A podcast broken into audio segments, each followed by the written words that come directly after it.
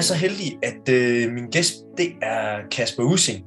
Og øh, Kasper han er bedre til at præsentere sig, end jeg er. Men det Kasper og jeg har til fælles, det er, det er samme interesse øh, for, øh, for det, vi laver. Vi, vi kan skide godt lide at arbejde med, med, med mennesker, og øh, skide godt lide at arbejde med mennesker, som, øh, som hvad hedder det, øh, et eller andet sted også giver os nogle udfordringer, og vi kan bruge vores, øh, vores hvad hedder det, øh, vores kliniske resonering lidt til at finde ud af, hvordan vi bedst øh, gør, en, gør en forskel. Og øh, Kasper, vil du ikke lige øh, sige lidt om, hvem du er, og hvad du går og laver, hvis folk nu ikke jo. skulle kende dig derude? Jo, og tak for invitationen. Jeg skal gøre det kort. Øh, mit øh, primære funktion det er, at jeg sidder på øh, Rygcenteret Middelfart, og der har jeg siddet i en halv menneskealder nærmest, øh, øh, og arbejder i den udredende enhed for øh, kronisk ryg- og nakkebesvær der.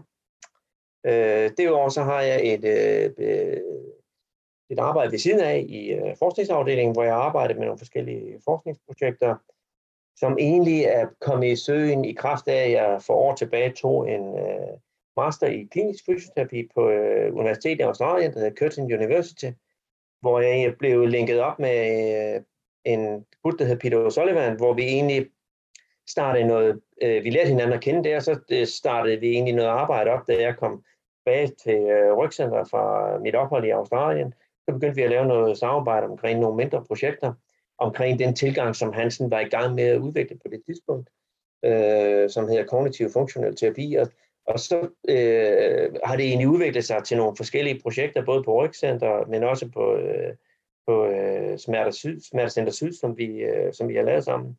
Så det er sådan set det, det, jeg bruger det meste af min tid på. Derudover så har jeg en, en lille privatklinik også, hvor jeg ser nogle øh, patienter, den her Spine Mind Physio, og det gør i Odense, øh, som jeg har sammen med to øh, øh, lillesøsfælder, kan jeg godt sige, øh, som også interesserer sig rigtig meget for det her.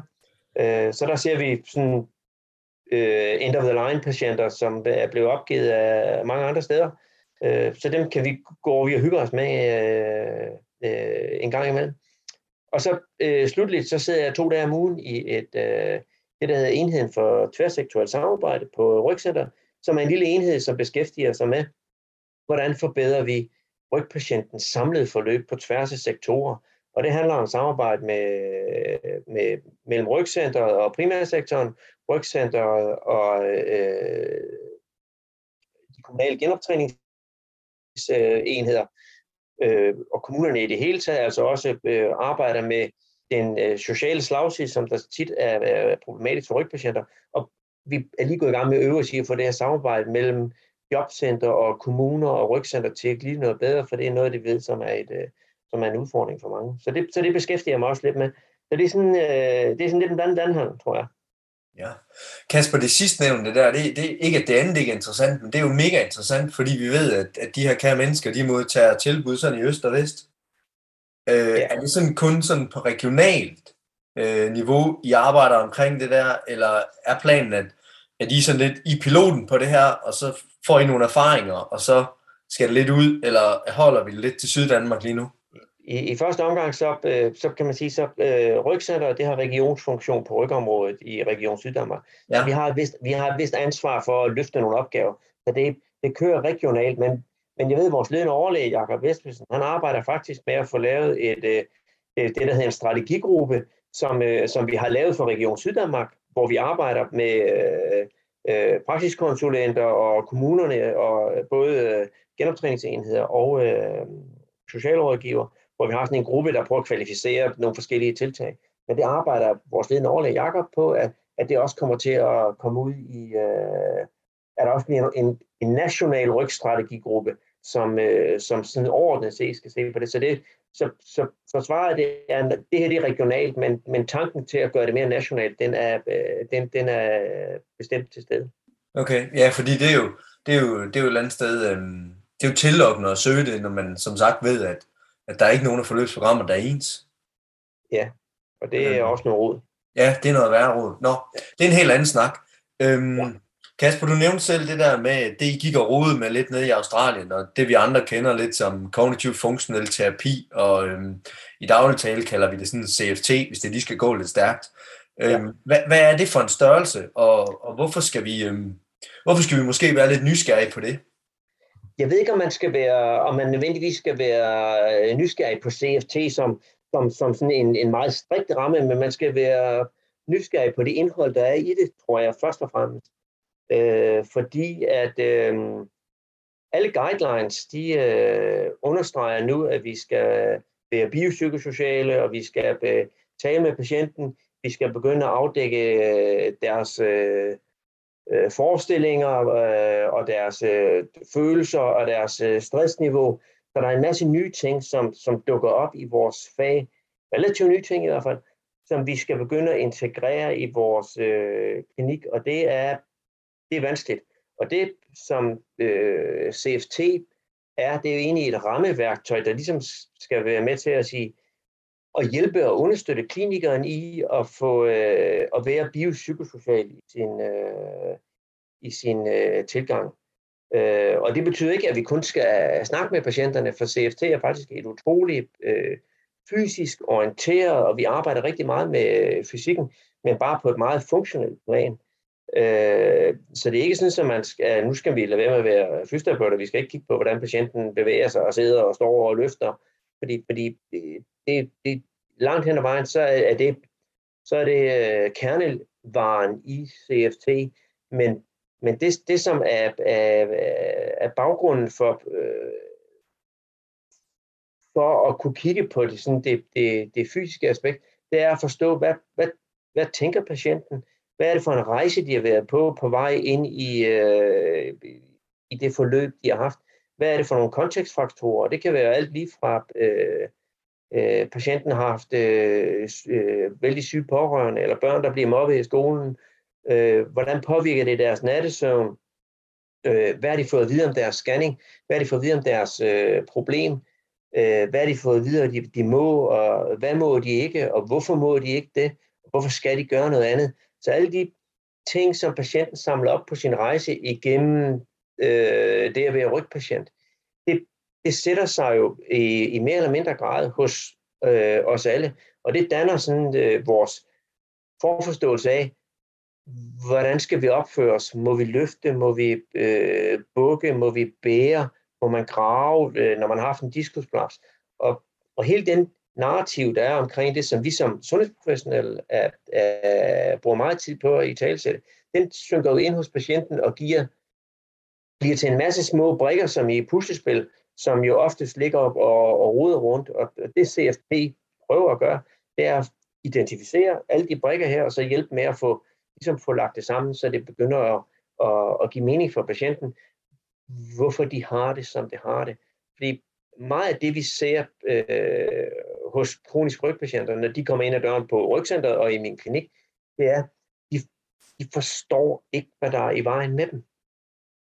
Så, så en vigtig del af CFT, det er det, der på godt øh, dansk kalder making sense of pain.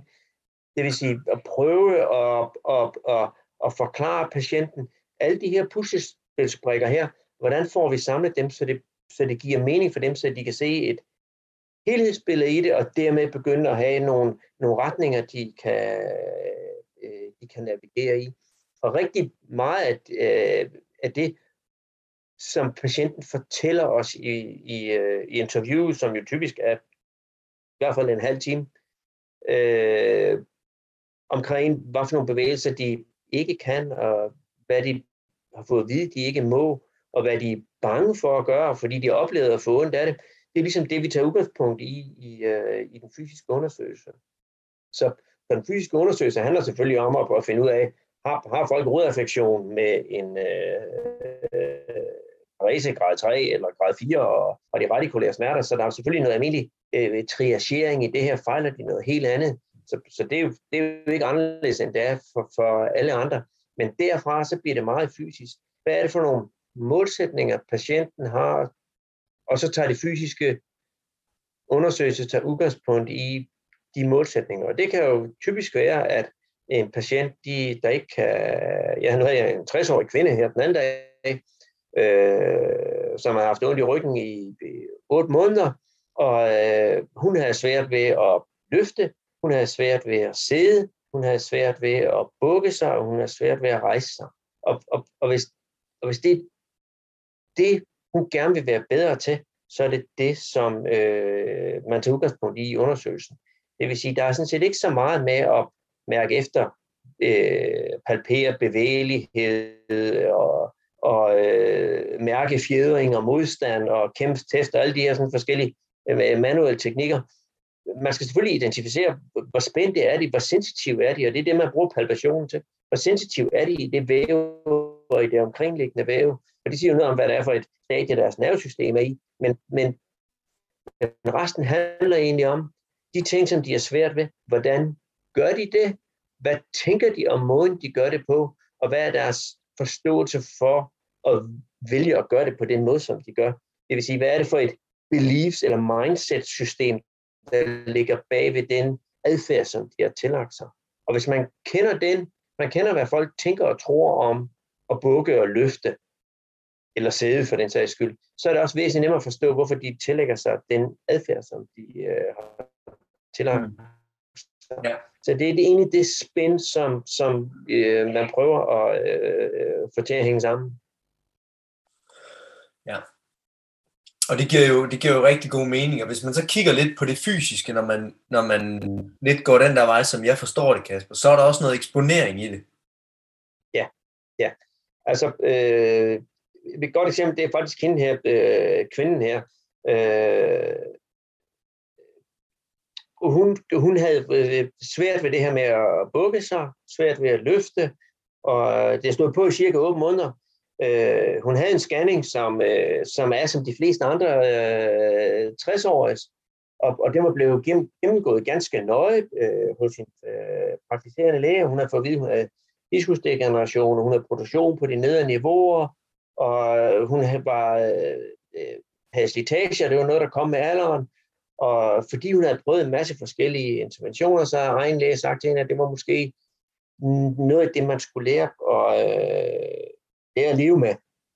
Og, øh, og så spurgte jeg hende, og, og så sagde hun, øh, og det, så det var nok sådan, hun skulle have det resten af dagen. Og så sagde jeg, spurgte jeg hende, tror du, at det er, øh, er det noget, fordi du har fået det at vide, eller tror du virkelig selv, at du ikke kan komme til at bukke din ryg igen?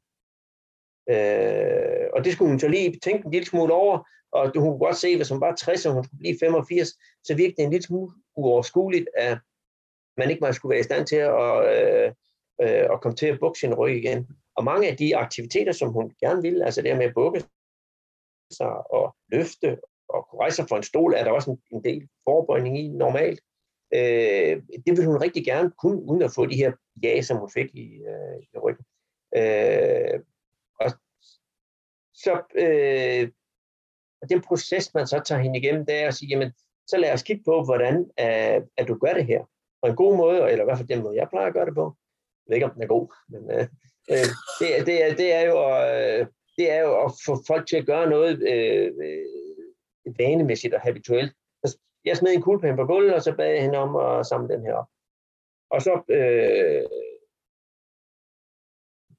gik hun ned i knæ, holdt sin ryg fuldstændig øh, rank. Hun holdt vejret, støttede med den ene hånd på, øh, på låret, øh, og gik så ned og fik samlet den her kuglepen op fuldstændig uden at øh, bukke ryggen, og havde selvfølgelig vældig svært ved at komme op, for alle kan jo forestille sig, hvis man bevæger sig så stift, så er det vanskeligt at, at, at komme op og ned. Det er lidt som at trække håndbremsen, når man, når man kører bil. Mm. Det, det bliver svært at bevæge sig, når man holder vejret og spænder, og man ikke må øh, bukke sin ryg. Og så spurgte jeg hende så, om det var, øh, om det var sådan, at, at, at hun altid havde gjort det. Og hun sagde, at hun havde bukket sig helt normalt. Og så smed jeg kuglepinden på gulvet igen, og så bukkede jeg mig selv med at øh, fuldstændig blægteret i ryggen, bukkede mig ned, og så sagde jeg, sådan her samler vi en kuglepind op hjemme hos mig. Øh, og så sagde hun, det, det var det, hun også altid øh, selv havde gjort, men nu havde hun fået at vide, at det var ikke godt for hende, for nu var hendes ryg slidt, og derfor skulle hun holde ryggen rank og øh, suge navlen ind, og passe på, at hun ikke beskadede sin øh, diskusskiver mere. Så, så på relativt kort tid, ved sådan en ret simpel ting som at smide en kuglepen, så får man ret mange informationer omkring, hvad hun har fået at vide, øh, hvorfor hun gør, som hun gør. Og så bliver, det, så, så bliver bevægelse lige pludselig noget, som ikke er, mekanik, men som er betinget af ens mindset. Så når man kender mindsetet, så bliver det pludselig nemmere at få skraldt de her lag her løjet, øh, for at få hende tilbage til det, hun gerne vil. Og så, og så kommer jeg til at svare på de spørgsmål nu, tror jeg, fordi du spurgte om eksponering. Så man kan sige, så spurgte jeg hende, og det her, det er noget, du gerne vil tilbage til. Ja, jeg vil gerne tilbage til at bruge. Men øh, tror du, du kan, øh, har du prøvet at bruge ryggen? Øh, ja, det har jeg. Hver gang har jeg fået sindssygt ondt. Øh, og jeg har fået at vide at det var, jeg tror, det var som fornuftigt, jeg har sagt til hende, du skal ikke være bange for at bevæge dig, du skal bare bevæge dig. Og derfor så har hun selvfølgelig prøvet at, øh, at bukse og fået rigtig ondt hver gang. Så, så selvom hun havde fået retningslinje korrekt information omkring, at man skal bevæge sig og bukke sig, så hjalp det hende overhovedet ikke i, hvad for en strategi hun skulle bruge til at, at genvende det. Altså det er lidt ligesom at sige til en ryger, at du skal stoppe med at ryge, eller sige til en overvægt, du skal, du skal tabe dig. Det er det samme som at sige til en rygpatient, du, skal bare, du må gerne bevæge dig, du skal bare bevæge dig. Ja, ja, men jeg kan ikke. Så folk har jo, og sådan er det jo, når man skal ændre adfærd, så er man jo, det skal man ikke bare have at vide, man skal have et strategisæt til at ligesom være fundamentet for, at man skifter adfærd. Så det, det jeg gjorde med hende her, det var egentlig at øh, stille hende i knæfirestående og så øh, få hende til at slappe af, få hende til at trække vejret, lade være med at holde hovedet, øh, trække vejret ned i maven, og så lige så stille og roligt begynde at øh, skubbe bagenden tilbage mod fødderne, så hun får en eller anden form for øh, i ryggen. Og det var selvfølgelig under den præmis hele tiden, at bukning af ryggen er sundt og godt, og hvis man lader være med at bukke sin ryg, så øh, kræver det hårdt muskelarbejde, både i mave og ryg, og det er reelt set det, som, så det sagde til det er jo det, du gør hele tiden. Du sætter dine muskler rundt omkring din ryg på overarbejde, i et håb om, at hvis du holder din ryg inde i en eller anden bestemt stilling, så får du ikke de her ja, som du får, når du, nogle gange får, når du, øh, du rejser dig op. Så præmissen var, at du må egentlig gerne bukke din ryg. Det er sundt at bukke din ryg, og musklerne øh, har godt af at slappe af, når du bevæger det. De skal ikke holde dig. Og på den måde prøvede man så lige så stille og roligt at få hende til at gradvist at vende sig til at få sin ryg til at kyfosere. Og det kunne man jo have gjort på mange øh, andre måder. Og det bygge, byggede vi så op, da hun ligesom øh, havde fået den fornemmelse af, okay, det kan jeg faktisk godt gøre. Trænede, at hun slappede af, lod være med at, øh, at beskytte sig, fordi hendes starten, da hun blev sat til at gøre det, der var hun så meget, jamen, jeg skal holde min ryg på plads. Øh, men det er klart, jo mere hun prøver at holde sin ryg på plads, jo svær i, i, altså i den her lordose, jo sværere blev det for hende at, at, øh, at kyfosere og bevæge ryggen normalt.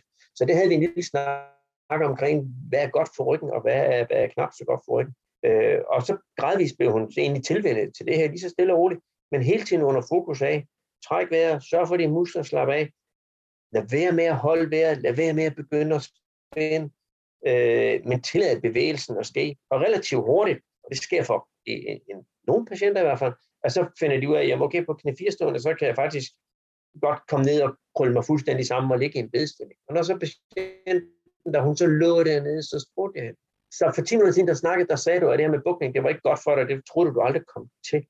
Nu ligger du relativt krøllet sammen, og så tog jeg lige sådan en spejl, vi har på hjulet, så kørte jeg hen, så hun, så hun visuelt kunne se, okay, nu ligger jeg faktisk helt kyfoseret rundt i min ryg.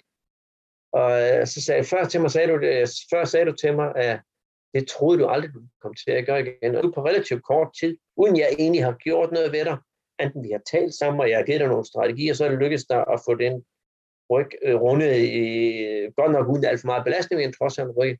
Så hvad tænker du nu om det her med at kunne komme til at runde din ryg igen? Så på den måde, så, så, så eksponerer vi gradvist, men uden at provokere smerte, samtidig med, at man hele tiden reflekterer tilbage de ting, som patienten har sagt i, øh, i den subjektive undersøgelse. Så de der, det er ikke godt at bukke min ryg, jeg skal holde min ryg lige.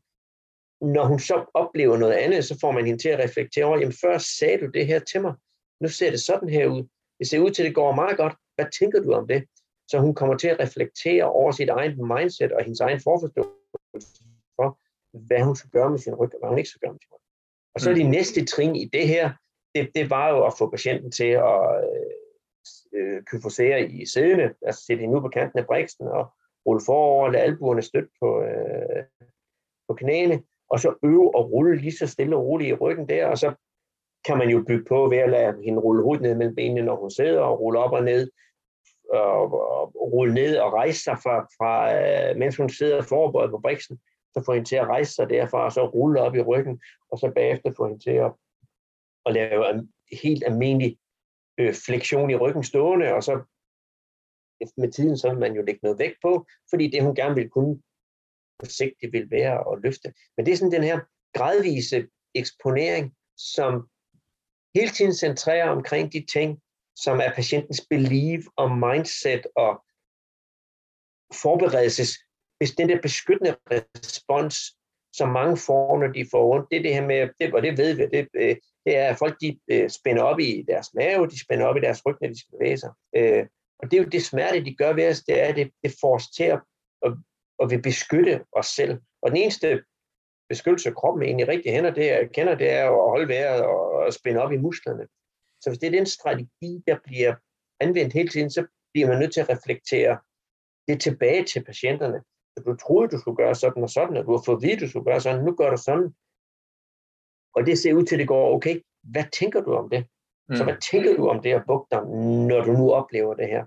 Og, og det kræver jo egentlig sådan et, et, øh, et, et spektrum, hvor patienten har mulighed for at, sådan, at meget få hendes, øh, hendes forforståelse og hendes tanker omkring den her fastlåse, at de bliver jo virkelig konfronteret, fordi hun oplever noget andet, øh, end det hun havde forventet. Og det er jo rigtig godt at få hende til at reflektere over det, fordi det, det giver jo ligesom sådan et momentum for hende for at sige, okay, jeg er ikke lost her. Jeg er ikke fanget i min lordose. Det er ikke mm. farligt for mig at bukke mig. Jeg kan faktisk selv lave om på det, og der ikke er nogen fysioterapeut, som har lavet et, et genialt manuelt greb, eller trykket mig et eller andet bestemt sted. Jeg har faktisk, jeg har trukket vejret, jeg har slappet af, jeg har selv genvundet min evne til at hvert fald starte på det her med at kunne øh, tolerere bukning igen. Det, ja. det er jo sådan lidt et firkantet eksempel det her, fordi sådan, det er et meget skolebogs eksempel. Ikke? Men, men, men det er egentlig ikke så, så sjældent, at, at, at man ser det alligevel. Nej, men der, der er jo nogle super interessante ting i det her, Kasper, fordi det ene, det er det gode budskab om, fordi vi gider, eller det ved jeg ikke, du må godt sige, hvis du har lyst til det, men gider næsten ikke diskutere de der med, at folk de har fået en masse restriktioner hele tiden. Fordi det kan virke så tåbeligt, at, at det, den, den, den kan vi godt komme lidt videre fra, men, ja. men det positive budskab, som hedder, at du skal bare bevæge dig, det er jo det, der nogle gange, sådan oplever jeg i hvert fald i klinisk praksis, er det, som nogle gange også bliver en hindring i det. Fordi der følger ikke ligesom noget med. Der faldt du lige lidt ud. Nå. Du faldt lige lidt ud der. Prøv lige sige det til, du faldt lige ud. Det der positive budskab med, at du skal bare bevæge dig, det står i en klinisk retningslinje, du skal bare bevæge dig, det er godt at bevæge sig. Det er jo nogle gange en meget, meget stor mundfuld at få for det menneske, der ikke har tur at bevæge sig. Ja. Så, så derfor, det kan, den der guideline, der hedder, du skal bare bevæge dig, så bliver alt godt. Den er simpelthen, jeg synes simpelthen, den ofte bare bliver alt for generisk. Den er ikke, den er ikke handleanvisende, og, det, og, der, og der, der er ikke nogen trin i den, så derfor bliver det for stort nogle gange. Jamen, øh, øh, jeg, jeg er fuldstændig enig med dig. Øh, jeg havde faktisk en kollega, som jeg snakkede med øh, tidligere øh, her i eftermiddag, inden jeg kørte hjem fra arbejde, som har set en helt ung pige, som hun har netop lige netop fået de der informationer der, faktisk på rygcenteret. Først øh, til en forundersøgelse, du må gerne bevæge dig, og så bagefter har hun set en fysioterapeut, som har sagt, ja, du må gerne bevæge dig. Øh, og så inden hun begyndte at operationalisere det, det vil sige, jamen, hvis du svætter i din ryg, og der er noget, du er bange for, så prøv at gøre sådan her. Prøv at øh, bære din ryg i din ben. Lad være med at spænde op i din, øh, spænde op i din mave. Prøv at trække vejret og lad din ryg rulle. Så, så man begynder at få nogle strategier til, hvordan skal jeg rent faktisk gøre det her? Mm. Fordi, fordi hvis vi skal ændre vores adfærd, så skal vi jo, der skal, for det første skal der være en, øh, en det andet så skal der være nogle byggeblokke, vi kan stå på på vejen op til det mål, vi gerne vil op til. Og hvis vi ikke giver folk det, altså som jeg sagde før, det er ligesom at sige til en ryger, det, det er dårligt at ryge, stop med at ryge. Det er ja. ingen, der stopper med at ryge af. Nej. Man bliver nødt til at give folk nogle, nogle klodser og nogle blokke og, og hakke hak det ned de bruger så meget funktioner, øh, fordi nu er det her funktionel terapi, så hvis folk de vil øh, løbe så er, øh, så er der nogle byggeblokke, som man kan skille fra her. Så kan man skille løb fra hinanden og sige, hvad skal man kunne for at kunne løbe? Jamen, man skal i hvert fald kunne stå. Man skal også kunne stå på et ben. Man skal også kunne hoppe. Man skal også kunne lande. Og de klodser kan man så skille fra hinanden og så tage, finde, hvad er det for et niveau, patienten kan det på. Okay, så hvis du gerne vil løbe, så skal du kunne øh, lave et benstand, og det skal du kunne skifte. Og så må vi prøve at kigge på det og give dig nogle strategier til det. Eller du skal kunne slappe af i din rygmuskler, så du ikke spænder alt for meget, når du går. Fordi jo mere du spænder, jo sværere bliver det for dig at løbe øh, og gå, fordi det kræver en modstand i ryggen for at rotere. Ikke? Mm. Så, så, øh, så vi, vi arbejder meget med de her blokke, men som hele tiden er styret af patientens mål. Så det vil ikke ske, at en patient kommer ud fra min konsultation, og så skulle lave øh, øh hvad hedder det, firestående diagonalløft og rygbøjninger og, og, øh, og mavebøjninger. Det kunne godt være et lille bitte supplement, men, men det, der primært vil være, det er, at det vil være rettet mod den funktion. Det kan være strategi til at bedre kunne sidde ned, som folk de gerne vil have. Hvis folk de gerne vil kunne sidde ned, så må vi give dem nogle strategi. For det første må vi se, hvad har du fået at vide om at sidde? Hvad tror du, der sker med din ryg, når du øh, sidder? Hvorfor tror du, at det er bedst at, at, at sidde på den måde? Hvorfor skubber du vægten helt over på den ene side, når du sidder? Alle de ting her, og så prøve at gradvist eksponere dem for at komme tilbage til at sidde normalt med lige vægtfordeling. Har ikke være at lade være med at sidde som en, øh, som en pind i ryggen. Samtidig med, at man får snakken om, at, at ryggen er lavet til at sidde. Det er meningen, at vi skal slappe af, når vi sidder. Menneskeheden har opfundet det at sidde ned for at kunne slappe af. Og ikke desto mindre, så er det første råd, langt de fleste, der har problemer med at sidde ned, får, det er, at de skal rette sig op og øh, trække skulderbladene ned i baglommen og øh, sørge for at have et svar i lænden. Og det er jo i virkeligheden det modsatte af at slappe af. Mm. Det er komme på overarbejde. Og vi ved fra masser af studier, der har kigget på det her med, med muskelaktivitet, at, at folk, der er ondt i ryggen, de laver for meget i deres muskler. De laver for meget i deres mave, når de løfter. De laver for meget i deres ryg, når de løfter, sammenlignet med folk, der ikke har ondt. De laver for, hvis man er højt katastroferende og bekymret, så laver man mere i sin paravertebrale rygmuskler, når man, når man går. Så, så der er sådan et, et, altså vores muskelkorset, eller vores muskelsæt i det hele taget, det er, det er sætter hurtigt ind, når vi føler os troet og har behov for at beskytte os selv. Og, øh, og den trussel, potentielle trussel, den ligger jo i det, vi tænker og tror og føler om det, vi mærker. Så hvis man kan reducere truslen og øh, gøre det mindre farligt, og øh, gøre folks emotionelle respons på det, de mærker, mindre, så deres stresssystem ikke kører op, så er det nemmere at slappe af, og så bliver det typisk også nemmere at sidde ned. Mm.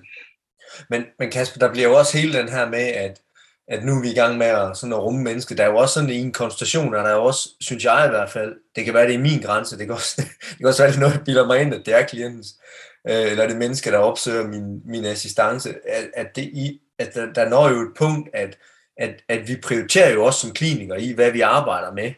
Fordi vi kan jo, det menneske på den, på den anden stol, altså der er også begrænset, hvor meget man kan rumme i, i dialogen og i eksponeringen, så er det jo meget rart, hvis man har haft en god forståelse i starten ved netop at få dem til at sætte ordene på, så man også kan målrette det, fordi der, der, der er jo altså der er jo en grænse for, hvor meget der kan være i glasset til en konstellation. Ja. Og jeg snakker ikke sådan tidsmæssigt, jeg snakker sådan rent menneskeligt. Altså, altså hvor meget viden kan man kapere, hvor meget kan man sådan ligesom synes, det er fedt at blive eksponeret for. Ja, og, og, det, er jo, og det, er jo, det er jo meget, meget individuelt fra, ja. fra, øh, fra person til person. Og, og nu de eksempler, jeg giver, det er jo altid de gode eksempler, hvor det går, hvor det går hurtigt. Men der er jo masser af de andre eksempler, og især fra vores øh, studie på, øh, på smertecenteret, og det ved vi også specielt de studier, der kører på smertecenteret nu, altså at, at, at øh, der er masser af barriere i det her. Der er tusindvis af barriere, som, som, man skal have, øh, som man skal arbejde med, og rigtig meget af det, når de er tunge patienter, så er det jo bitte små bidder, man tager hver gang. Så, så derfor de eksempler, jeg lige gav før, de, de virker som et, nå okay, det er bare det, Jamen, det, det kan alle ved jo gøre. Men det er jo bare ikke sådan, det går med størstedelen af dem. Størstedelen af dem, der er det jo lidt frem og lidt tilbage. Og, det må vi tage efterhånden, som de øh, kliniske stationer øh, går frem. fordi vi kan ikke løse det hele i en session. Vi vil rigtig gerne have, når folk går ud fra en, øh, i hvert fald i de projekter, jeg har været involveret i, der har vi sat en time og et kvarter af til, øh, ja, det passer ikke i rygcenterstudiet øh, har vi sat en time af, på smertecenteret har vi sat en halvanden time af til første gang. Så vi vil rigtig gerne have, at folk de har fået en, den her making sense of pain, de har fundet, fundet ud af, hvad er det for nogle responser i mig, der har startet, eller hvad er det, der har startet det her for mig? Hvad, hvad er det for, hvordan har den min historie udviklet sig? Hvad er det for nogle ting, jeg har mødt på min vej, som har gjort, at jeg spænder mere, lader være med at bukke mig, øh, passer mere på mig selv. Hvad er det for nogle kontekstfaktorer i forhold til at være på arbejde, eller være mobbet på arbejde, eller have nogle, øh, nogle børn, som er syge, som man skal øh, tage sig af, øh, eller have to job, fordi man er økonomisk ufør, så man skal arbejde rigtig meget, så man er, ikke får sovet så meget. Altså, på alle de små brikker i det puslespil, klattet ind for patienten øh, første gang, så de ligesom kan se, det her det er et puslespil, det er ikke en diskoskive, som er gået græsat. Det er et puslespil, som har udviklet sig over de år, som det nu, nu øh, typisk udvikler sig over, eller den periode, det typisk udvikler sig over. Og der er mange brikker i det her, og hvis vi fitler lidt ved de otte af de brikker her, så er der måske tre af brikkerne, som ikke kan gøre noget ved. Vi kan ikke gøre noget ved, hvis folk kan udtale diskusdegeneration på niveauer. Og kan det betyde noget for deres smerte? Ja, det kan det da i den grad. Men det er ikke noget, vi kan gøre noget ved. Så vi siger, den her år, den, men den er der, og det er en potentiel bidragende faktor. Den kan vi ikke gøre noget med. Vi kan gøre noget ved din fysiske inaktivitet. Vi kan måske gøre noget ved din, øh, det, du tænker, når du får ondt. Øh, vi kan gøre noget ved din undgåelse. Vi kan snakke om din undgåelsesaffære, se om vi kan lave om på øh, noget af det. Vi kan måske få din, dit, øh, din muskler til at spænde mindre ved at give dig nogle øh, vejrtræknings- og nogle afslappningsøvelser, eller lave noget øh, mindfulness. Øh, vi kan måske gøre din ryg en lille smule bevægelig ved at eksponere den for lidt bevægetræning nogle gange om dagen. Så der er nogle brikker, som man kan gøre noget ved, så er der selvfølgelig nogle brikker, man ikke kan gøre noget ved. Hvis folk mm. har massiv komorbiditet, hvis de har en øh, øh, depression eller noget andet, som vi jo ved er nogle faktorer, som er svære at flytte rigtig, rigtig meget på, så, så må vi sige, de her de er der, og det betyder noget. Så det er også en del. Så det betyder ikke, at din ryg den er fucked, for nu at bruge et moderne ord. Men fordi du har en depression, og du har noget diskusdegeneration, så er det også bidragende faktorer, der spiller ind. Det kan vi ikke lave om på, men vi kan lave om på det her år. Så hvis det kan hjælpe dig frem mod det, der er din mål, så er det den vej, vi tager. Ja. Men Kasper, så, så dem, hvor vi, ikke, øh, hvor vi ikke har det, sådan det gode eksempel, hvad er det, I ser nede ved jer? I har også, øh, jeg har læst et par af de studier, du har været med i sådan den seneste uges tid, og der er der også nogen, der, i har noget drop-out, som man jo altid har i nogle studier og noget. Altså, ja. altså hvad, er det, der kende, hvad er det, der kendetegner dem?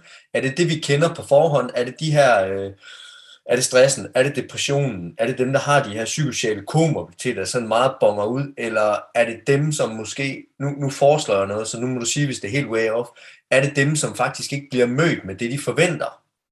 Ja, Jamen, altså det, det, der, er nok, der, er nok flere, der er nok flere ting i det. Ja. Altså faktisk så har øh, Samantha Bonsley har jo kigget lidt på, hvad er det for nogle, øh, de, hvad er det, de, hun er en, øh, en kvalitativ forsker, som også har siddet på Curtin University i flere år, øh, som har interviewet en række patienter, som har været igennem den metode her, og hvor man har kigget på, hvad siger dem, som responderer, og hvad siger dem, som ikke responderer. Ja. Og, det, og det, det er nok egentlig meget interessant at snakke om, fordi det, responderne, det er dem, som køber ind i modellen, som du siger. Det er dem, som siger, okay, jeg kan faktisk godt se, at min stress den er mere anspændt og har svært ved at slappe af i kroppen. Og jeg kan godt se min inaktivitet, det her med, at jeg stopper med at gå mine ture 4 km hver aften, det kan jeg godt se, det er heller ikke godt for mig. Jeg kan også godt se, at øh, jeg skal sørge for at få min søvn, så jeg skal lade være med at drikke så meget kaffe, inden, øh, inden jeg skal i seng. Jeg kan også godt se, at, øh, at hvis jeg spænder og beskytter mig selv og lader være med at lave nogle bevægelser, så kan det være en, have den modsatte. Så har det ikke en beskyttende effekt, så har det faktisk en forværende effekt. Så det er folk, som ligesom køber en biopsykosocial forståelse af, hvad er det for nogle faktorer eller variabler, der kan påvirke mine rygsmerter. Og når vi tegner det her puslespil op for dem og siger, det er det spiller ind, så siger de, ja, det giver faktisk meget god mening. Mm. Men der er også nogen, der siger, det er dem der yes, but. Øh, så de siger ja til det hele tiden. Jamen, jamen det, det er fint alt det der, og alt det der, det er fint godt, men min ryg, den er jo, øh, den er jo øh, worn out, altså den, den er jo gået i stykker, og den skal jo fixes. Så alt det, du siger, det, det, kan, jeg godt, det kan jeg godt se rigtigt, men det passer ikke på mig. Og det, og det, det kan der jo være masser af grunde til. Øh, noget af det, øh, øh kan man sige, det, det har måske noget med den her kognitiv fleksibilitet at gøre, ikke? Altså, hvor meget, hvor meget er man, i, og det, der er vi jo alle sammen forskellige, hvor meget er vi i stand til, når vores beliefs og vores sådan, overbevisninger, når de bliver konfronteret, hvor meget er vi i stand til at øh, tage ind og øh, acceptere, og hvor meget øh, giver vi backfire, hvor vi siger, ja, ja, det, passer, det er fint, det passer på alle de andre, men det er ikke mig, det her. Øh, og, og det altså, viste Sam Bronstein studie tydeligt, at dem, der ikke responderer på CFT, det er dem, som, øh, som siger, ja, det, alle de ting, det, det er fint nok, og det tror jeg også på, men det passer bare ikke på mig. Så, så folk, der ikke tager den biopsykosociale model til sig, det er i hvert fald en, øh, en del af det. Ja. Øh, og man kan sige, der er også noget, der hedder readiness to change, som jo er sådan en afart af det her med kognitiv fleksibilitet. Det vil sige, er de et sted, hvor de, øh, hvor de er parat til at modtage de her ting her? Øh, og, og, og det kan jo være noget med deres kontekstuelle faktorer i, sit, der, i deres liv i øvrigt, der gør, at, øh, at de ikke er det. Men når de så kommer et år senere, så, øh, så er de måske. Men, men med, jeg, jeg vil så sige, at, at i, i rygcenterstudiet, der havde vi et dropout på to patienter i, øh, i, øh, under interventionen. Øh, så det, det var ikke voldsomt stort. Hvorimod, hvis vi går i den tungere afdeling og kigger på det studie, som vi lavede på Smertecenter Syd, eller med patienter fra Smertecenter Syd, skal jeg sige, så, øh, så kan vi se, at så var dropoutet noget større i løbet af interventionen.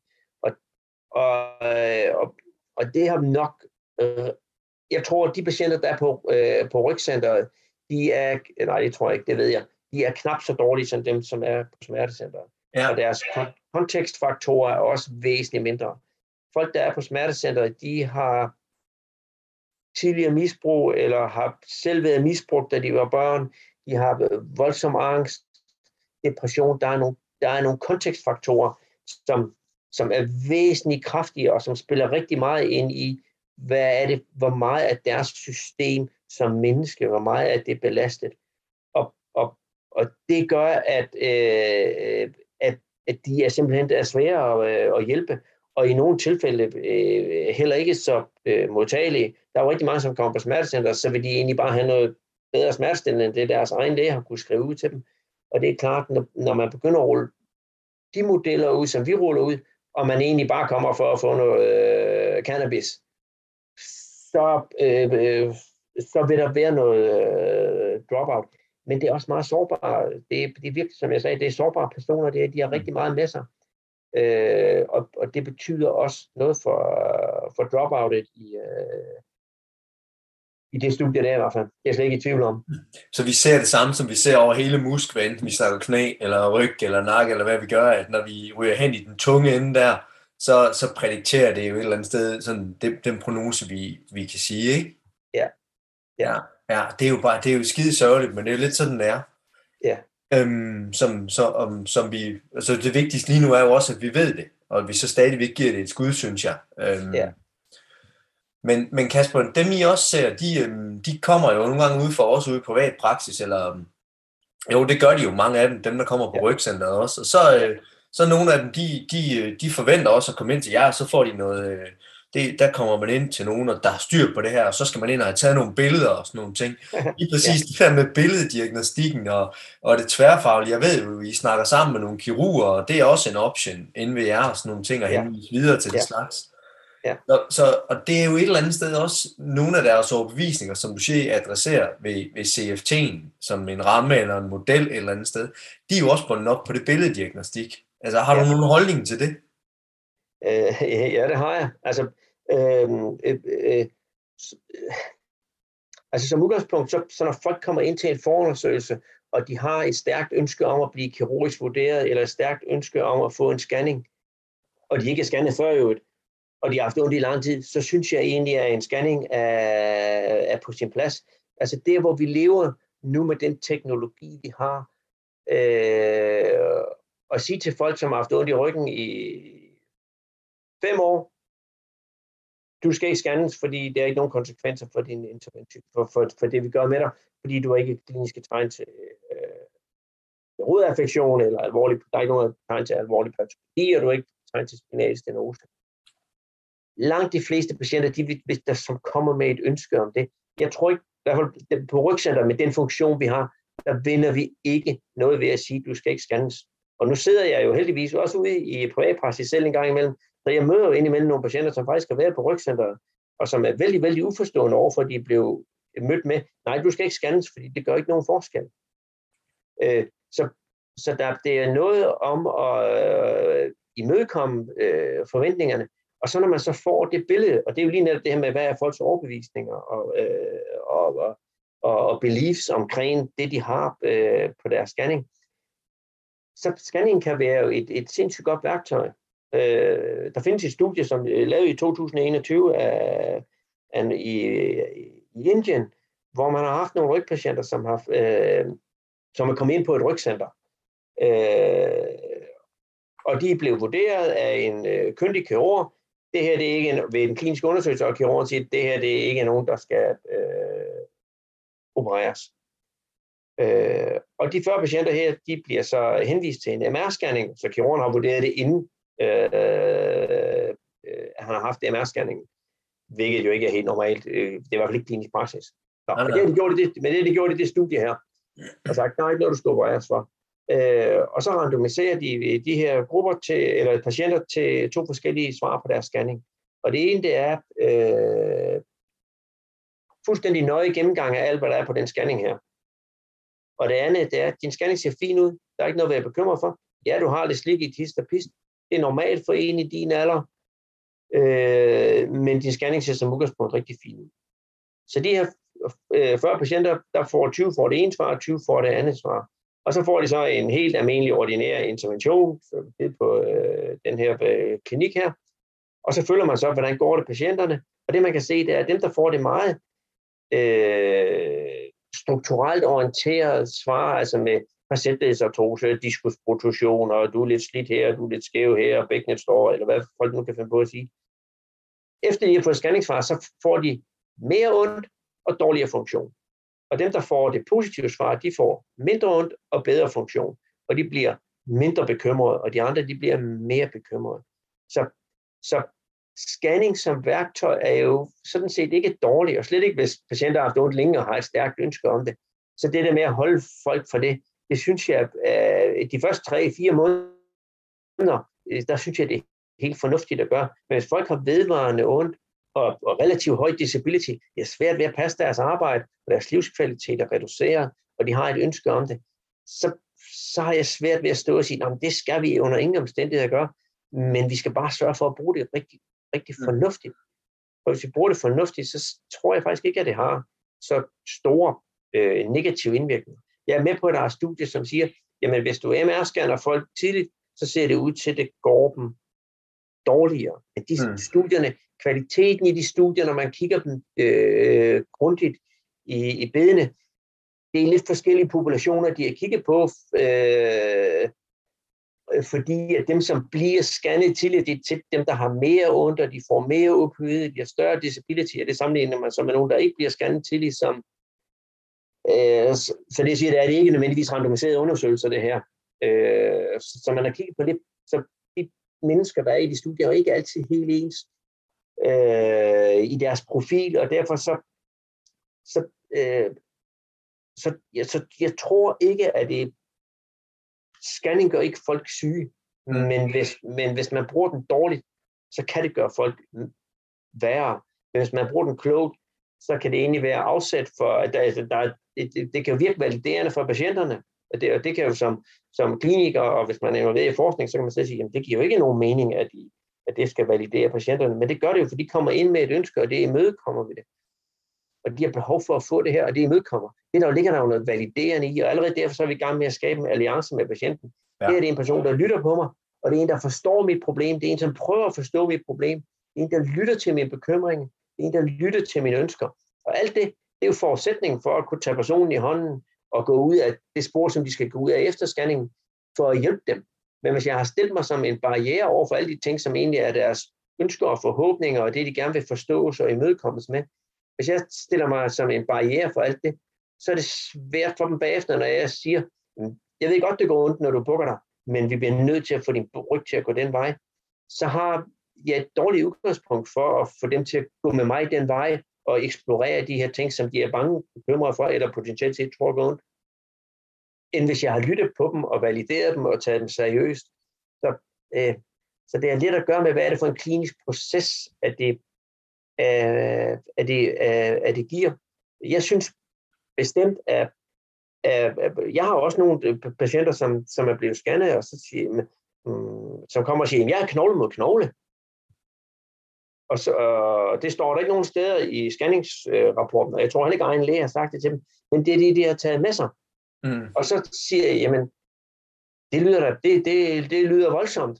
Skal vi ikke lige prøve at kigge på dine billeder? Og så lægger, tager vi billederne op på skærmen. Så, når man så begynder at kigge på det, så folk har ikke en, de bliver overrasket, når de siger, okay, det er min diskoskiver. Men det kan godt se, de ser jo rimelig høje ud. Det er jo slet ikke knogle mod knogle, og der er jo egentlig masser af plads, og det er det hul til nerven. Der kan du se, der er egentlig også plads. Så, så nogle gange, så kan det faktisk blive et, et, et, et terapeutisk og beroligende middel, når folk kan se, okay, det jeg troede, og det jeg har taget med mig fra svaret, der blev læst op for mig, det er faktisk slet ikke sådan, jeg ser ud i virkeligheden. Mm. Så, så det kan faktisk, også selvom folk har relativt meget diskusdegeneration, så kan man jo tydeligt se på en scanning, også for det udtrænede øje, at det er overhovedet ikke knogle mod knogle. Og det er der mange, der, og det har du sikkert også hørt mange sige, ja. oh, det er knogle mod knogle. Og når de så ser, det er overhovedet ikke knogle mod knogle, åh, oh, okay, det, det ser meget fornuftigt ud. Og når vi så samtidig sidder som klinikere med ophøjet ro og siger, ja, det er normalt for din alder, det skal du ikke bekymre dig for. Det er ikke noget, som betyder det helt store for, hvordan det kommer til at gå der. Vi har masser af andre redskaber, som vi kan rode med, som kan gøre, at du kan få det bedre. Så den samlede pakke der, den tror jeg faktisk har en, øh, eller kan have en positiv øh, funktion. Der er selvfølgelig også nogen, der vil sige, nå, min disk er jo helt sort, og det ser jo helt forfærdeligt ud, så man ikke kan tale ud af det. Øh, så det er jo ikke altid, at, at det her det er klogt. Men jeg vil sige, jeg oplever oftest, at det at folk de bliver mindre bekymrede, når man har snakket med dem om deres scanning og vist dem det, og se, hvad det egentlig er. Ja, jeg er meget enig med dig, Kasper. Jeg synes, den, det virker som sådan et godt pædagogisk redskab nogle gange faktisk. Ja. Til, til netop at, at få skabt en, okay, så, så starter vi her, det er et fælles ståsted. Øhm, lad os prøve at tale lidt om, fordi de kommer jo også nogle gange ind af min dør i hvert fald, og det gør de sikkert også ind din, hvor de bare har fået lavet et billede. Der er nogen, der sådan har snakket ja. med dem om det. Ja. Ja. Øh, og det, kan, det, det bliver jeg altid meget sådan forundret over, øh, hvor jeg næsten mere vil forvente at høre boner and boner fordi ja. det stadigvæk er, er meget et budskab. Men der er også den anden vej om det, som vi lige nåede at snakke lidt om på et tidspunkt, at at der kan også blive sådan en negligering af det, man ser. Som om, at Nå, ja. det er bare normalt, det er bare aldersvarende. Ja, ja. Og det, det synes jeg også er et problem. Ja, og det, og, og, og, og, og øh, altså, vi ved jo, at akkumuleret fund, det giver større risiko for, at personen siger, at de har ondt. Så man kan jo ikke sige, at degenerative forandringer ikke betyder noget. Og vi ved også, at i de yngre populationer, der ser jo diskusproduktioner Øh, og lige ser jo også ud til at korrelere vældig stærkere med smerte end, end ideelt. Altså der, når man når 70, så har det, ikke, har det vældig dårlig korrelation, for der har vi alle sammen det, og det er ikke alle sammen, der er ondt. Men i de ja. år ser det jo faktisk ud til, at, at der er en, en, øh, en, i hvert fald en lidt stærkere korrelation mellem det at have produktion og, ja, og diskusdegeneration hos yngre, som øh, kan, øh, hænger mere sammen med smerter. Så, så, så man skal ikke, negligere, man skal ikke negligere det. Man skal erkende, at det er der, og vi ved, at ja, det betyder noget. Vi ved også, at vi ikke kan gøre noget ved det. Men mindre er det helt ekstremt, og vi er derude, hvor folk, de, hvor det måske er knogle mod knogle, og øh, man, man taler stivgørende kirurgi, der er vi heldigvis rigtig, rigtig sjældent. Ikke? Ja. Men, men, men at negligere det, kan jo også være øh, invaliderende for patienten. Ikke? Ja. Hvis de har fået at vide, siger, at det er ikke noget, det skal du ikke tage dig af. Og det, det, det bruger jeg i hvert fald ikke selv. Jeg plejer at sige, at det her, jeg kan ikke udelukke, at det her det er med til at gøre ondt. Men jeg kan ikke gøre noget ved det. Du kan ikke gøre noget ved det. Nej. Men vi kan gøre noget ved alt det, der er udenom. Ja. Og, så, øh, og, det kan de, og det er de fleste. De fleste for de fleste patienter, så er det her med diagnose, det handler jo ikke om at få et tal eller et navn. Det handler om at få en plan for, hvordan kommer jeg derhen, hvor jeg gerne vil hen. Øh, og, og Øh, så, så scanningen er oftest, at de fund, der er på scanning, er jo oftest en, en lille barriere for, i hvert fald for dem, som er uspecifikke. Det er bare, hvis man har en kæmpe prolaps, og hiver ud i ens ben, og man har haft det i fire måneder, og man ikke kan løfte sin fod, så er scanning et sindssygt godt værktøj for den kirurg, som skal finde ud af, hvor sidder prolapsen af det, fordi den skal nok fjernes nu, eller inden alt for længe. Øh, så, så, så, er det, så er det også et rigtig godt værktøj, og så betyder scanningen jo sindssygt meget, både for patientens forståelse og for den, den intervention, som der kommer efter. Nu er det jo heldigvis relativt få, som bliver opereret for, øh, for prolaps, der er jo de fleste klarer sig jo fornuftigt ud, men der er også nogen, der skal opereres, og det kræver en scanning, øh, og det synes jeg også, at vi skal, det skal man erkende sig. Så det der med at grave grøfter, det er jo typisk rigtig dumt, det kan man sige. Enten så betyder scanning alt, og det kan vi forklare det helt ud fra, eller så betyder det ikke en skid. Fordi mm. det er jo sort og hvidt, og virkeligheden er jo typisk grå.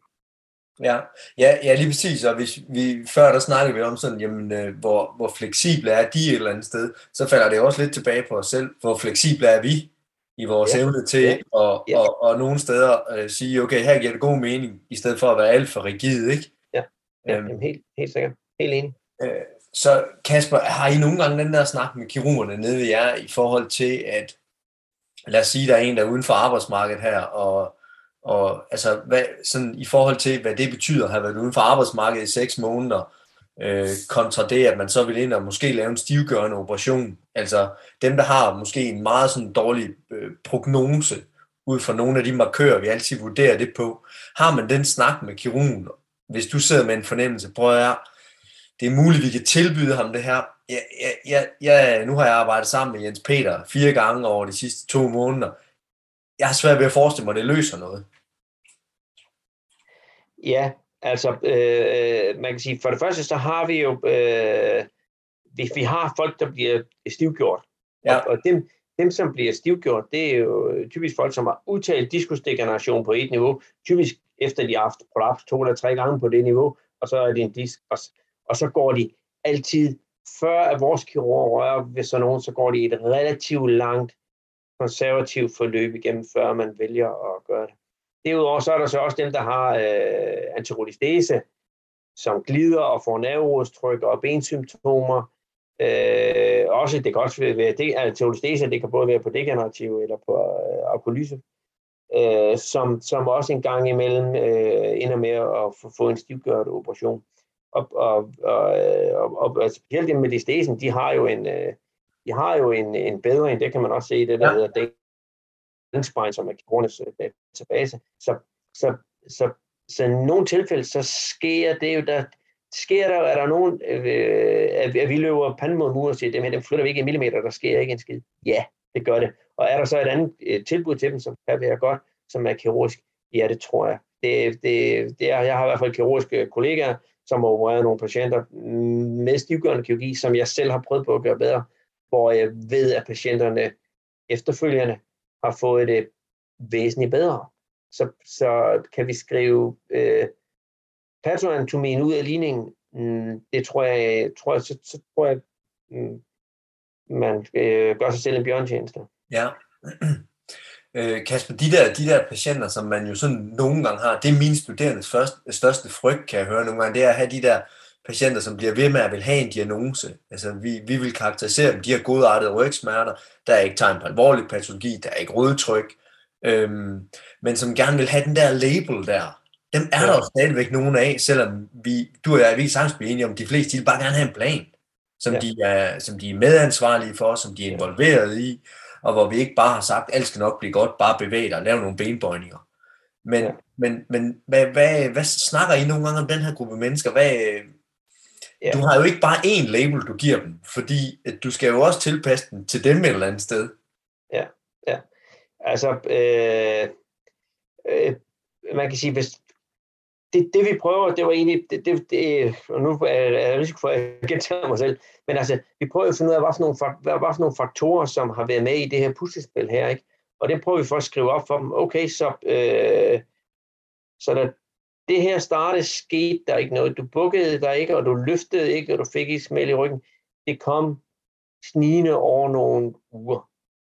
Øh, i samme omgang, så var din mand blevet alvorligt syg med cancer, og du skulle passe ham. Og det betød, at du ikke kunne gå til din træning. Så blev du scannet og fik at vide, at du havde spinalstenose på øh, to niveauer, men man kunne ikke operere det, for det gik ikke ned i benene. Så begyndte du at gå væsentligt mindre. Du blev mere bekymret.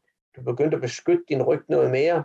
Du lod være med at bukke dig. Så alle de ting prøver vi ligesom at tegne op, som man siger. De faktorer her, det er den, der, og så tegner vi typisk et, et, et, et smerteskilt ind i midten og siger, alle de faktorer her, de har på hver deres måde en eller anden, hvad, øh, en eller anden indvirkning på det, du oplever. Øh, vi ved, der er noget på din... Øh, men nu sagde du, der var nogen, som ikke havde, som ikke havde øh, fundet på scanningen. Det en mm. lang scanning. Ja. Men, men øh, så glem I det med spinatsnosen. Men, ja. men, alle, men alle de andre ting vil man jo typisk skrive op og sige, alle de faktorer her, de kan, de kan spille ind. Øh, og det ved vi, at det påvirker nervesystemet samlet set. Det er den mængde stress, der er på dit system, og den belastning, der er på dit nervesystem. Altså vi plejer at bruge de termer, så det, så det ikke bliver sådan noget med øh, ionkanaler og sensibilisering, og det sidder i hjernen og alle de ting. Det prøver jeg i hvert fald selv at holde mig fra, fordi hver gang jeg prøver at forklare folk alt det her med hjernen, så, så ser det mærkeligt ud. For for langt de fleste patienter, så sidder rygsmerter i kroppen. Så når man begynder i talesæt alt for meget med følsom rygmarv og øh, signaler, der går op og ned, og en hjerne en, med, som en radar, der bliver mere øh, sensitiv. Det, det er vældig svært at, øh, at kapere for patienter. Jeg er i hvert fald ikke så god til at, at, at, at forklare dem det. Men, jeg kan, men de fleste kan forstå, at man har, at hvis man ikke sover, og man føler sig stresset og anspændt og er bekymret og ked af det og, og smådeprimeret og nervøs, det kan folk godt forstå. Det kan påvirke min homeostase, det ord bruger jeg ikke lige til dem, men det kan påvirke den, den tilstand, min nervesystem er i, og dermed også bidrage til, at jeg får mere ondt. Ja. Så, så det er typisk, vi prøver typisk at finde alle de faktorer, der ligger udenom, som, som spiller ind i det. Øh, og, der, og vi siger, og hvis du så bliver utrolig anspændt, og ikke bevæger dig ret meget, og beskytter dig rigtig meget, så komprimerer du din led, og du bevæger dig stift, og jeg plejer tit at, så, øh, at bruge den her analog til håndledet, som at sige, at når du bevæger dig stift en hel dag, så er det i princippet en generator for, at du kan få ondt i ryggen. Fordi hvis du skal bevæge dit håndled en hel dag, og du har to muligheder, og det ene det er at bevæge det stille og roligt og afslappe, og køre det rundt, og det andet det er at spænde fuldstændig op i det og beskytte det og stramme det an, og så bevæge det på den måde. Og det beder jeg patienterne om at gøre. Gør det ene og gør det andet. Hvordan føles det i dit håndled at gøre det ene, og hvordan føles det i dit håndled at gøre det andet? Ja, men hvis jeg skulle vælge her, så ville jeg klar at vælge at bevæge min hånd løst og afslappet hele dagen. Okay, så hvad har du valgt at gøre med din ryg? Og så vil langt de sige, ah, men det er jo, øh, Øh, den, den, den, den har jeg nok valgt at, at, at beskytte. Okay, men hvordan føles det i din hånd, når du bliver ved med at gøre alle de ting her? Eller hvordan føles det, når du bliver ved med at spænde, og du bevæger din hånd så stift og rigidt? Hvordan føles det ind i din hånd? Ja, jeg kan faktisk godt mærke, at det føles sådan lidt, det knaser lidt, og det skuer lidt, og det bliver faktisk også lidt ondt. Det er det, du gør ved din ryg hele dagen, når du går og holder vejret og beskytter dig og lader være med at bukke dig og undgår bevægelse og bevæger dig afstivet. Og det er jo, en, det er jo, det er jo sådan nogle fysiske faktorer, som er relativt nemme at forstå for langt mm. de fleste patienter, og specielt analog med håndled. Det, alle, der prøver at sidde med stramt håndled og løst håndled og bevæge det, de gør mærke, det er væsentligt nemmere, når man gør det løst. Ja. Ja. Så vi prøver at give dem nogle billeder på, hvad det er, de gør med deres ryg, hvis det er det, de gør altså. Øh, og, og hvad for nogle alternativer, der, der er til det. Men, men det er svært at... at, at, at altså, der er, jo alt, der er jo altid de her patienter her, som godt, jamen, som siger, ja, det er bare noget, man ikke kan se på scanningen, men der er jo noget med musklen herinde, eller der er jo noget med ledet, der hopper ud, eller altså, de patienter, de er der, og dem, dem slås, dem slås jeg skal også med indimellem, for at sige, jamen, øh, øh, nej, der, til nogle gange har man lyst til at sige, nej, der er ikke noget inde i de muskler. Det føles sådan, men dine muskler er ikke ved at hoppe af, eller dine muskler er ikke skæve, eller mm træne skæv, eller øh, din led hopper ikke ud hver gang. Men, men der er jo ganske få personer, som sådan ret rigidt holder fast i det her. Og det vender måske lidt tilbage til det studie, jeg snakkede om, som Sam Bonsted øh, har lavet, hvor hun har interviewet dem her, som ikke responderer på CFT. Det er, hvis man fastholder med, at der er et eller andet debidut et eller andet sted, eller noget, man ikke har set, så, så, så er der ikke så meget readiness to change, så køber man ikke så meget ind, og hvis man ikke køber så meget ind, så, øh, øh, så er det også tit svært at, at, hjælpe folk. Og de folk, de er der. Og nu snakkede du før om, øh, det, hvem det var, der, øh, der droppede ud i, øh, i, i øh, rygcenterstudiet, som vi kiggede på. Og, og, og den ene af dem havde jeg selv, og han var lige netop sådan en type, som jeg lige har beskrevet nu her. Ikke?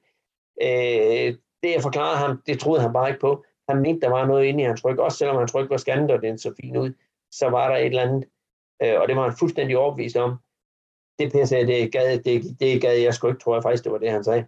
Og, øh, så dem er der, og, og de er overalt, og de er svære at, at, øh, at afvende, men jeg tror, jo bedre vi bliver til at kommunikere, jo bedre vi bliver til at få folk til at reflektere, jo bedre vi bliver til at lytte på dem og vende de ting, de selv siger højt, så de selv får mulighed for at reflektere over det, de siger, jo nemmere bliver det at nedbryde de barriere der. Så, så det er lidt at gøre med, hvad er det for en... Fordi det der, det er svært, og det er jo primært svært, fordi at vi ikke er særlig meget trænet i det. Vi er pisse, nej, jeg ved ikke, om vi er pisse godt trænet i at kigge på en scanning og, og i at give, men vi er pisse godt trænet i at give folk øvelser og få, øh, få dem til at bevæge sig og sætte træningsprogrammer sammen. Vi er måske ikke så godt trænet i den motiverende samtale, i at være refleksiv, i at identificere diskrepans i folks historier og reflektere det tilbage til dem. Øh, reflektere deres egen beliefs tilbage til dem. Hvis vi fik en træning, der gik mere i den retning, så tror jeg også, at vi vil få nemmere ved at give patienter nogle gode forklaringsmodeller. Men det træning, det findes, det findes stort set ikke. Altså man kan slå op i, øh, på fysio.dk og se, hvad der findes af kurser. Hvor mange kurser er der i at blive god til at kommunikere? Der er kommet flere, men der er stadigvæk masser af Correction Academy og øh, forskellige andre, øh, hvor det handler om at finde de rigtige øvelser for folk. Ja, lad være, med, lad være med at få mig startet for meget på det der, Kasper. Så der, der er vi helt enige. Men, ja. Men jeg tror jo en ting er, nu, nu nævnte du selv de der mennesker til yes, but, altså ja, det, er jo, det er jo også det, Tamara Pinkus, hun, hun siger, det er dem, vi skal være gode til at spotte, så vi skal også være ja. gode til at spotte dem. Ja. Men, men der ligger jo også noget i, Kasper, at, at sige, at, at det, jeg ved ikke, hvad, hvad du har taget af kommunikation, men det kommunikation, jeg har taget i hvert fald, der kan jeg da mærke, at, at jeg kan jo ikke bare tage kurset, ligesom jeg ikke kan tage et kursus i en eller anden teknik, eller sådan. jeg skal jo arbejde med den. Og det er, jo, det er jo måske lige så meget, der udfordringen også ligger, ikke? Så en ting er, at vi har ikke, vi har ikke lige så stort udbud af det, og vi talesætter jo, i hvert fald mange gange synes jeg, at det er vigtigt, men, men der er sådan en tendens til, at det tiltrækker ikke helt så meget, og når vi så har taget det, så kan vi jo heller ikke forvente, at det bare fungerer. Altså, nej, du skal nej. jo hele tiden arbejde med det med den enkelte patient, og det er jo også det, der, så Roger Carey han sagde, det er altså ikke det her, vi bliver betalt for, hvis man sådan er lidt grov, fordi det er jo pisse svært. Og det er, øh, er spot on det der, altså, og det, øh, øh, jeg, kan jo, jeg kan jo sige, hvordan jeg, hvordan, hvordan jeg selv har lært at kommunikere. Altså, jeg, jeg har fået noget motiverende samtale-træning i forbindelse med min ansættelse på Rygcenter, som alle i øvrigt har fået. Nogle tager selvfølgelig mere til sig end andre. Men, men det, det, jeg har trænet i kommunikation, det har ene og alene været i forbindelse med klinisk supervision. Det vil sige, at jeg har kollegaer, som har siddet og kigget på mig. Og da vi trænede til vores studie på Rygcenter, der var vi så heldige, så vi får lavet en aftale med Peter. Så han øh, kom i nogle år i træk, kom han til Danmark og holdt en workshop, og så havde vi to dage efterfølgende de terapeuter, der er involveret i projektet, hvor han, og så kaldte vi fire patienter ind, og så så vi en patient hver, og så gav han os supervision på øh, vores patient. Så det var den måde, vi trænede til trænede vores CFT-færdigheder til at gennemføre projektet. Og, og, og det er jo fuldstændig det, du siger. Det er, hvis man, hvis man skal have en grundlæggende teori om, man skal være undersøgende, man skal være validerende, man skal være reflekterende, øh, man skal booste folk. Øh, og når man ved det, og har nogle små, få enkelte teknikker til, hvordan man gør det, så skal man arbejde med det, og man skal gentage det igen og igen og igen. Og, det, og, og, og det er jo derfor, det stadigvæk er en lille smule overraskende for mig, at man kan, man kan komme på man kan komme på to-dages i alle mulige ting, og folk betaler gerne masser af øh, penge for at komme på alle mulige øh, to-dages kurser i ting. Men, og så, og så, og så tror man, kommer man ud på den anden side, så tror man, så kan man en masse nyt. Men hvis det ikke bliver trænet klinisk, så kommer, man, kommer det formentlig aldrig til at eksistere. Så vi har trænet det i de år, vi trænede til at lave det her. Der trænede vi det klinisk. Vi havde simpelthen en fredagsseance, hvor vi havde en patient ind, så skiftede vi til at se dem, og så sad de tre andre, de sad og punkede ind i øh, en halv time eller en time bagefter. Det lærer man noget af. Ja. Og, og, og det tror jeg, at det er selvfølgelig øh, tidskrævende, men omvendt må vi også erkende, at hvis du skal være ortopædkirurg og speciallæge et eller andet, så tager det, ud over din medicinviden, så tager det seks år. Så hvorfor pokker skulle man skulle læse det første på, tre et halvt år, og så kunne alt perfekt efterfølgende, uden noget ekstra træning, som kræver mere arbejde. Mm. En hver psykolog, går, som skal være klinisk psykolog, de går et kæmpe supervisionsapparat øh, igennem, hvor folk kigger på vores adfærd. Og det, og det vil sige, det øjeblik, at, at jeg begyndte at ændre mig for alvor som kliniker, det var i den periode, jeg var i uh, læste min master i Australien, hvor jeg fik klinisk supervision for stort set samtlige af de patienter, jeg så to eftermiddage om ugen. Der fandt jeg ud af alt det crap, jeg gik og lavede, og hvor dårlig jeg var til at kommunikere, og hvor lidt jeg reflekterede, og hvor lidt jeg validerede, og hvor meget jeg elskede at fortælle patienten, hvor godt det, jeg sagde, det var, og det, jeg synes, hvor godt det var, og hvor meget de skulle gøre af det. Så, så, så vi skal have nogen til at kigge på os, og så skal vi have paraderne ned, og så skal vi suge til os, fordi det er den måde, vi udvikler os på.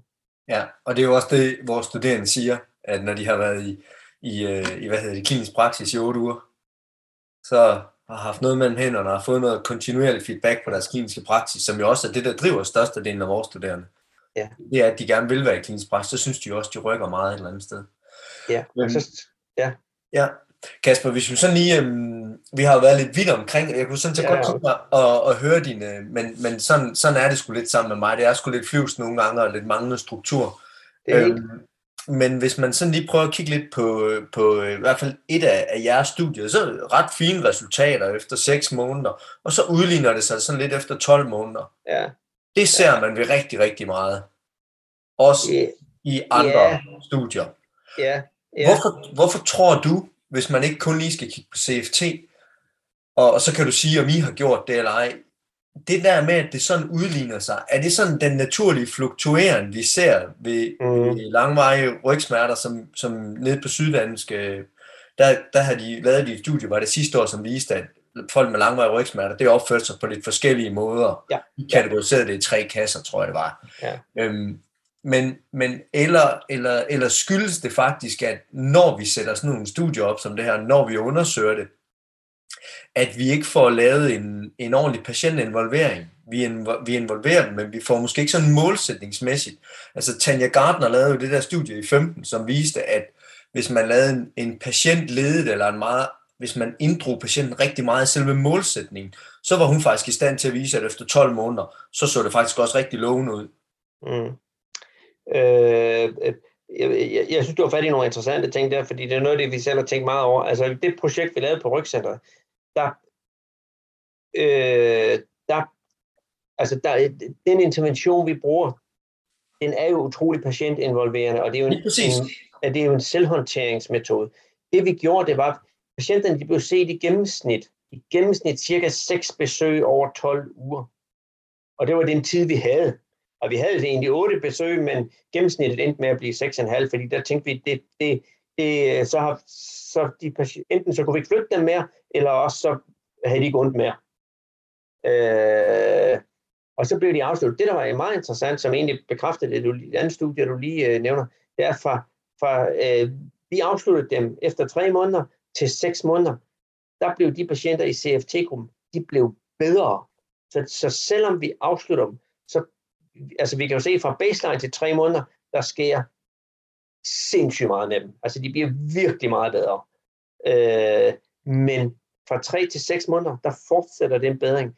Så vi har givet dem nogle værktøjer, som, øh, som gør, vi kan selvstændig arbejde videre med det, så vi får det bedre, efter vi bliver afsluttet. De bliver vel og mærke afsluttet, ikke til noget andet end egenhåndtering. Så de her patienter, de bliver altså bedre med de redskaber, vi har givet dem. Og så ser vi, som du også helt rigtigt siger, et, lidt et relapse mellem 6 og 12.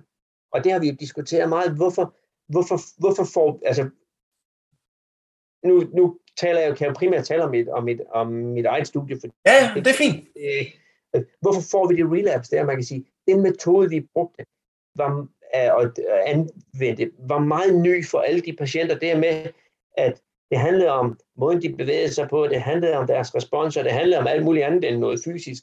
Det er jo meget nyt for dem, så jeg tror, når nogen får et tilbagefald, og det viser det studie, som Alice Kongsted øh, har øh, udgivet på Syddansk det er helt rigtigt, de får jo et tilbagefald. De får et tilbagefald på et eller andet tidspunkt i den periode, vi følger dem op, fordi det ser sådan her ud langt hen ad vejen. Så, øh, øh, så når de får det tilbagefald, det er formentlig der, der sker noget, noget vigtigt, i hvert fald i forhold til vores relapse, tror vi. Fordi at når de så får et tilbagefald, hvad er det så for nogle strategier, de bruger? At det, vi har givet dem for mange måneder siden, over seks besøg, og den model, vi har tegnet til at det er stærkt nok til, at de kan samle sig selv op med den mindset igen, eller falder de tilbage i det, som de har navigeret i i de otte år, mm. de har haft problemet, inden de kom i vores studie. Det ved vi ikke noget om, men, men, øh, men, men det tror jeg, og derfor så også, og det kan jeg også se det, du har skrevet i dit oplæg til mig, så, så bliver man nødt til at arbejde med det, der hedder booster sessions. Fordi at, at tilbagefald, de sker, og når, og når man beror sig så meget på egenhåndtering og refleksion, og, øh, som man gør, i, når man arbejder med den her øh, CFT-approach, så, så kræver det, det, det, er svært for, det er svært for mange patienter, så når man får et tilbagefald, så tror jeg, man har behov for at blive løftet med de samme briller, som man blev hjulpet ud af suppedasen med for øh, syv måneder siden måske. Fordi vi kan, altså, det er meget tydeligt mellem 3 og 6 måneder, at de her, de her patienter, her patienter bedre.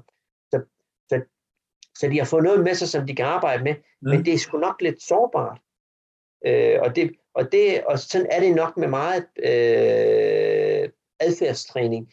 Det er, at man kan træne en adfærd i noget tid, og jo mere man kommer væk fra den, jo mere sårbar bliver det, og jo større sandsynligt er det, at man falder tilbage i noget andet. Mm. Så Øh, så, så, så det tror jeg, at det der er, det tror vi, der er det, der er, der er sket i det studie. For at imødekomme det, så har Peter Kent, som sidder på Curtin University, og er øh, professor dernede, eller associate professor, han har, er, er jo i gang med en, en stor RCT nu, hvor man tester en trearmet øh, RCT, hvor man tester CFT øh, versus usual care versus CST plus sådan nogle movement sensors, altså nogle sensorer, man sætter på, så, som kan give folk noget feedback på, hvordan de bevæger sig. Øh, I det studie, der har man indlagt i CFT-armen, der har man indlagt booster sessions. Efter, og jeg mener, det er efter seks måneder, så er de indlagt to booster sessions. Så, så at man samler folk op på et tidspunkt, når de har fået en helt ny, anderledes forklaring, og det kører for dem, og det egentlig ser fornuftigt ud, så, øh, så er de formentlig behov for, når de får et tilbagefald, at blive samlet op med den samme approach, i stedet for med det, de har gjort de sidste 10 år. Mm. Øh, det, det, det er mit bedste bud. Noget andet, som kan være med til at forklare, hvorfor øh, at, øh, øh, at det ikke ser, eller at der, at der sker et relap mellem 6 og 12 måneder, det har måske også lidt at gøre med vores, øh, med vores dropout på vores primære outcome.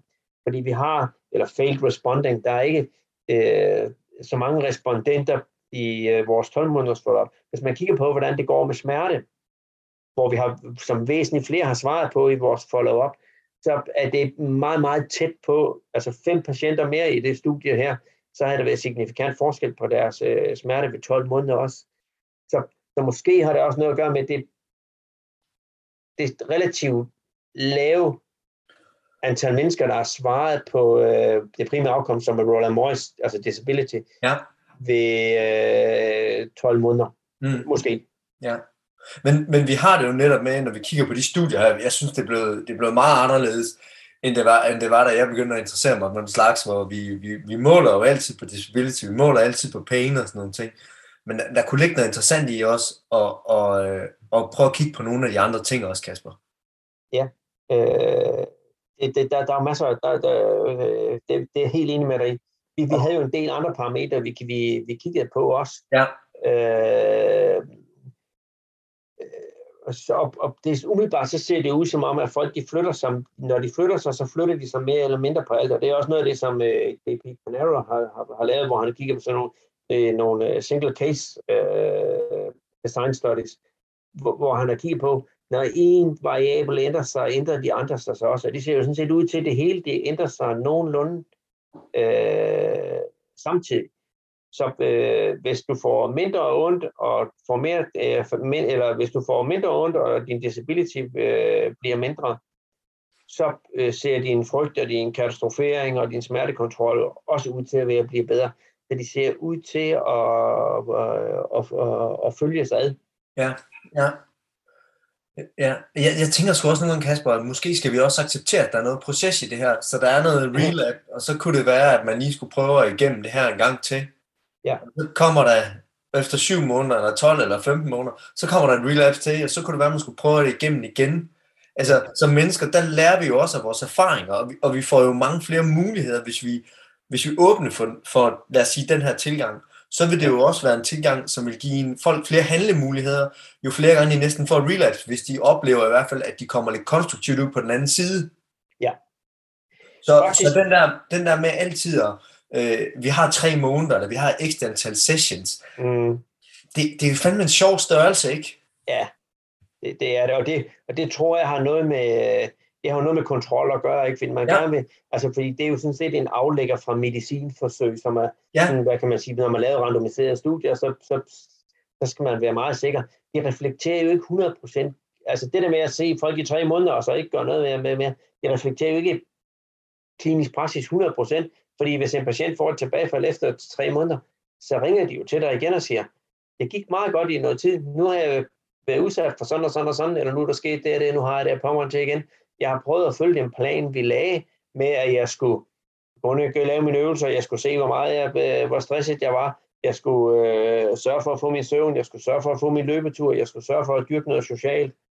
Jeg har prøvet at justere på alle de ting. Det lykkedes mig ikke rigtigt så siger vi jo ikke til folk, når de ringer til klinikken, jamen det er fandme dit eget problem, nu har vi set dig. Så siger vi, det lyder på os, det bliver, vi, det bliver vi nødt til at kigge på igen. Det, lad os se, om vi ikke kan hjælpe dig på det rigtige spor igen. Ja. Så, og det er jo sådan, som vi arbejder klinisk. Så dermed, så, så, så reflekterer sådan nogle studier jo ikke klinisk praksis 100%, øh, fordi af relapses, de kommer, hvis man ikke forholder sig til dem i studiet.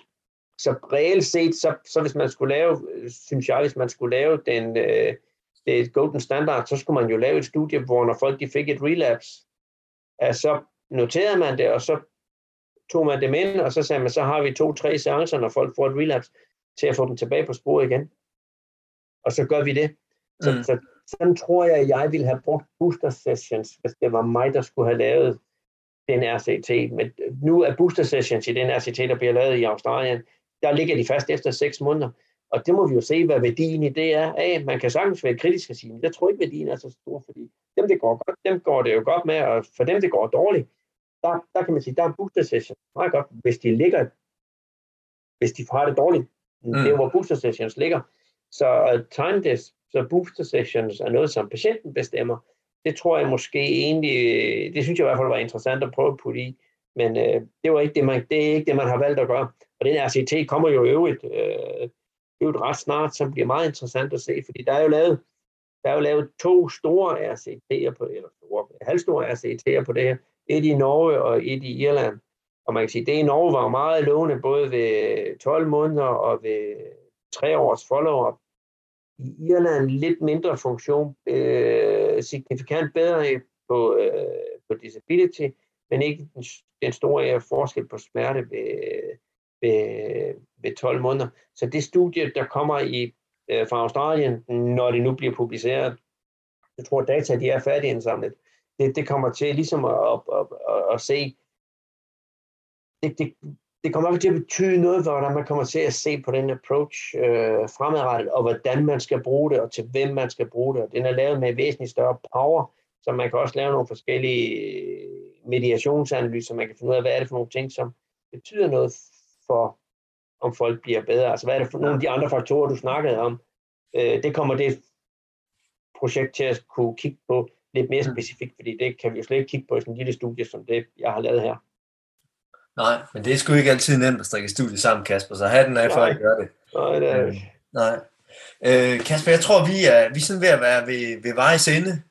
Ja. Øhm, hvis man nu skal synes, at øh, Kasper Using, han var der, han var der mere interessant på, når jeg hører en uh-huh. foregående podcast, Brian han har lavet. Hvad, øh, skal, vi, skal man så lige snuse lidt rundt på din hjemmeside, Spine and Mine? Eller, ja, eller, Spine and Mine man? er jo et sted, og øh, man kan kigge. Øh, og jeg har også en øh, øh, Twitter, øh, Twitter-profil, der bare hedder Kasper Using, så der, der slår jeg næsten ikke noget op. Jeg er ikke særlig aktiv på, øh, øh, på Twitter egentlig. Øh, jeg synes jo også, at, det, det, at hvis man ellers vil, vil kigge efter noget, så kan man jo kigge på, øh, på Paynet, som jo også er en rigtig god side, øh, både for sundhedsprofessionelle, som jo er drevet af Kieran O'Sullivan, som er øh, øh, utrolig kompetent fyr også. Øh, så, så, så, så øh, og hvis man, hvis man er interesseret mere i CFT, så er man jo velkommen til at, at skrive mail til mig. Man gerne vil vide noget mere om det, eller øh, have nogle artikler, eller øh, vi holder også kurset i det en sjælden gang imellem. Øh, så hvis folk er interesseret i det, så er det sådan set også en, øh, så er det også en, så er det muligvis en mulighed, skulle jeg til at sige, fordi det er, det er jo en tidskrævende, øh, en tidskrævende ting. Vi smider et, øh, et par ting op i vores øh, show notes, Kasper. Ja. Så Kasper, tusind tak, fordi du, øh, du gad at bruge din, din aften øh, sammen Jamen, med mig. My pleasure, som man siger. Det var, det var hyggeligt og interessant, og jeg håber, at lytterne får noget ud af det, og ellers er de velkommen til at kontakte mig, hvis det er. Altid. Tak skal du have. Det var så lidt.